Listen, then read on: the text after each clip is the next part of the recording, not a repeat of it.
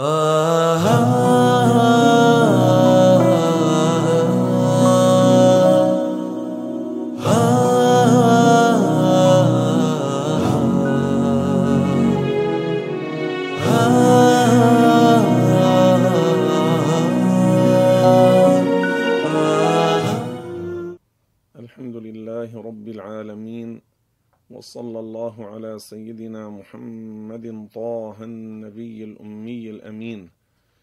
وعلى آله وصحبه الطيبين الطاهرين وأشهد أن لا إله إلا الله وحده لا شريك له وأشهد أن محمدا عبده ورسوله صلى الله عليه وعلى كل رسول أرسله.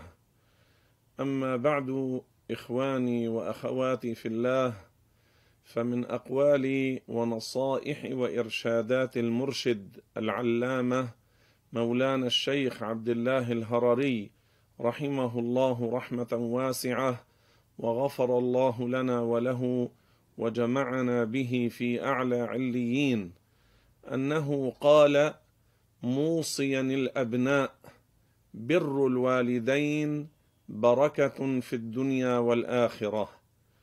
الله تعالى جعل من حقوق الأمهات والآباء على الأبناء أن يكونوا بارين بهم يحفظوهم من الأذى والظلم ويدفع عنهم ما يؤذيهم ويتقوا الله فيهم ويجتنبوا العقوق. فيجب على الولد البالغ أن يجتنب إيذاء الوالد أو الوالدة أو الضرب أو السب أو الشتم أو الإيذاء بأي طريقة مما يفعله بعض الأبناء مع أمهاتهم وآبائهم ظلما وعدوانا. فما معنى العقوق؟ العقوق هو إيذاء الوالدين أذى شديدا كالسب والعياذ بالله تعالى أو الضرب أو أن يأخذ مال أبويه ظلما وعدوانا. فهذا من كبائر الذنوب. والرسول صلى الله عليه وسلم قال ثلاثة لا يدخلون الجنة أي لا يدخلونها مع الأولين. قال العاق لوالديه والديوث ورجلة النساء. فالرسول صلى الله عليه وسلم بين أن العاق لوالديه والإنسان الذي يرى الزنا في أهله وهو قادر على الإنكار فلا ينكر والمرأة المتشبهة بالرجال هؤلاء الثلاثة لا يدخلون الجنة مع الأولين. والرسول صلى الله عليه وسلم في قوله العاق لوالديه يعني أن هذا الإنسان لا يدخل الجنة مع الأولين كالأتقياء والصلحاء والأخيار إنما يدخلها بعد عذاب إن عذبه الله تعالى. أما إن تاب قبل أن يموت فالتائب من الذنب كمن لا ذنب له. أما إن مات بلا توبة فهو تحت مشيئة الله عز وجل. لذلك علينا أن نحذر العقوق وأن نبتعد عن العقوق وننتبه لما يحصل اليوم من كثير من الناس من الأبناء الشباب والشابات الكبار والكبيرات يحصل منهم العقوق مع التفنن فيه والعياذ بالله تعالى. وليعلم العاق لوالديه أنه ملعون عند الله. ليعلم العاق لوالديه أنه ملعون عند الله. وهذا من الفاسقين. يعني يستحق أن يعذب في جهنم. يستحق أن يدخل النار فيعذب فيها مدة على هذه الكبيرة التي فعلها وهي العقوق وهي العقوق. ثم إن الرسول صلى الله عليه وسلم بين لنا عن عظيم بر الأمهات والآباء. ثم قال صلى الله عليه وسلم ثلاث دعوات مستجابات لا شك فيهن. هنا يؤكد الرسول صلى الله عليه وسلم على حق الأم والأب في البر وأن العقوق أمر خطير عظيم وإذا وصل الولد إلى العقوق فدعا عليه الأب أو دعت عليه الأم كان الدعاء مستجابا. ماذا قال صلى الله عليه وسلم؟ ثلاث دعوات مستجابات. لا شك فيهن دعوة الوالد على ولده.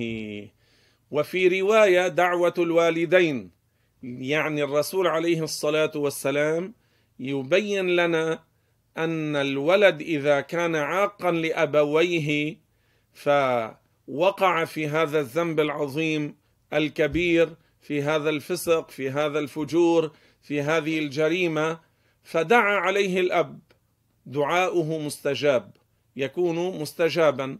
أو دعت عليه الأم هنا دعت عليه بحق لأنه كان ظلمها كأن ضربها والعياذ بالله تعالى بغير حق ظلما وعدوانا.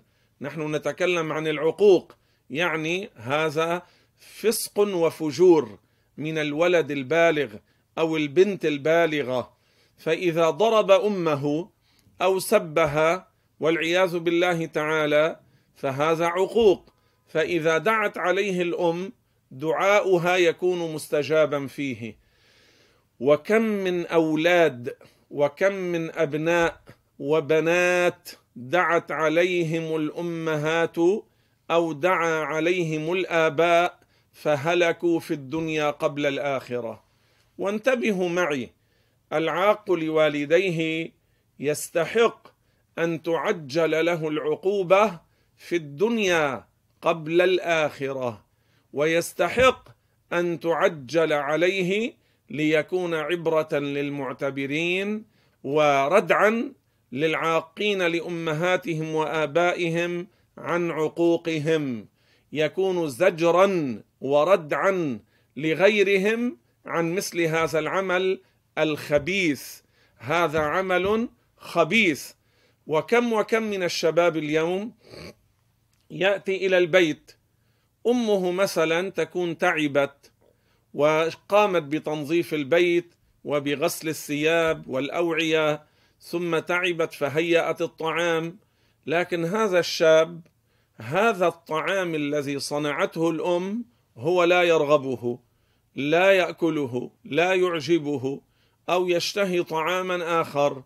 فتأتي وتقدم له هذا الطعام بدل أن يقوم بشكرها وبالثناء عليها وبالدعاء لها والاستغفار لها وبدل أن يقوم بتقبيل يديها ماذا يفعل أحيانا؟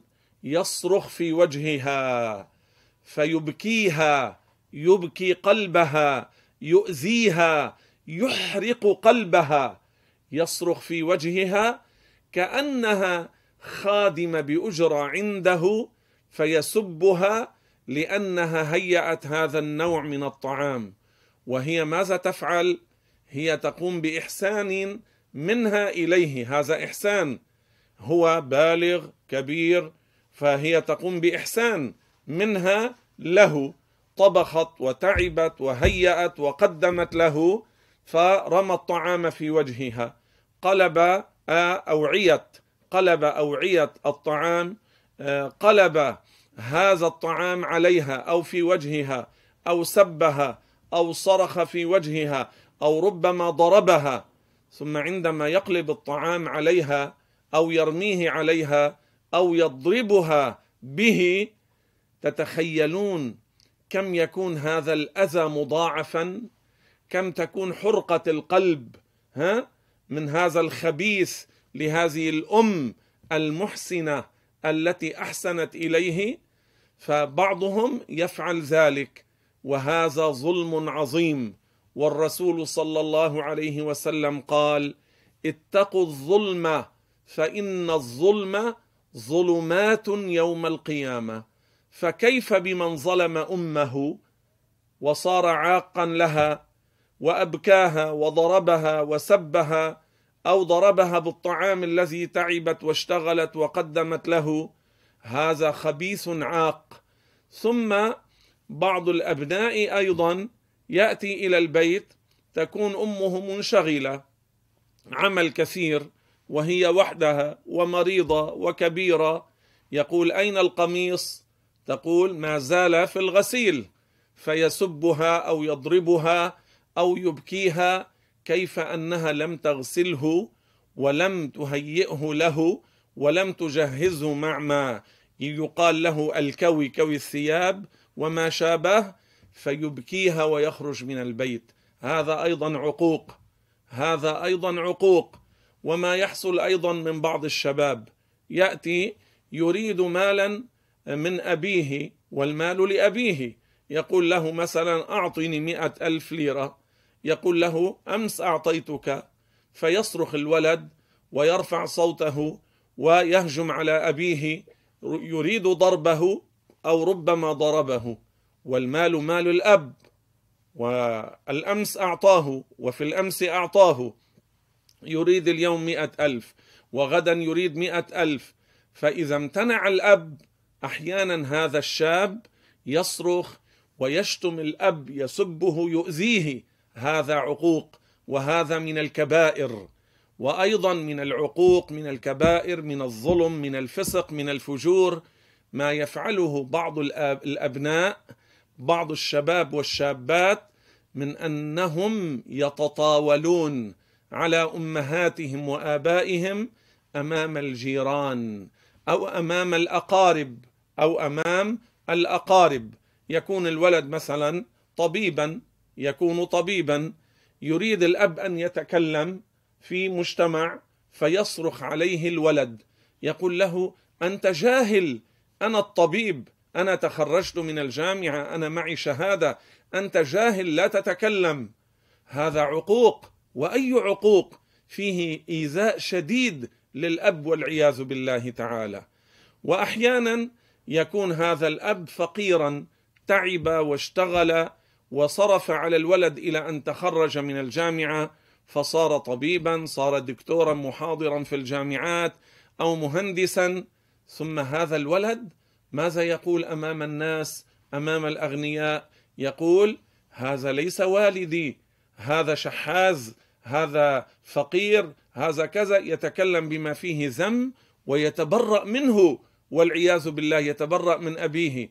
هذا فسق وملعنة. فسق وملعنة. أو بعض البنات تكون تزوجت من غني أو هي صارت طبيبة فترفع صوتها على أمها وتقول لها أنت جاهلة أنت لا تعرفين شيئا وتبكيها بين النساء وفي المجتمعات. هؤلاء وقعوا في هذا الذنب العظيم الذي هو من العقوق. والله تعالى ماذا قال في القرآن؟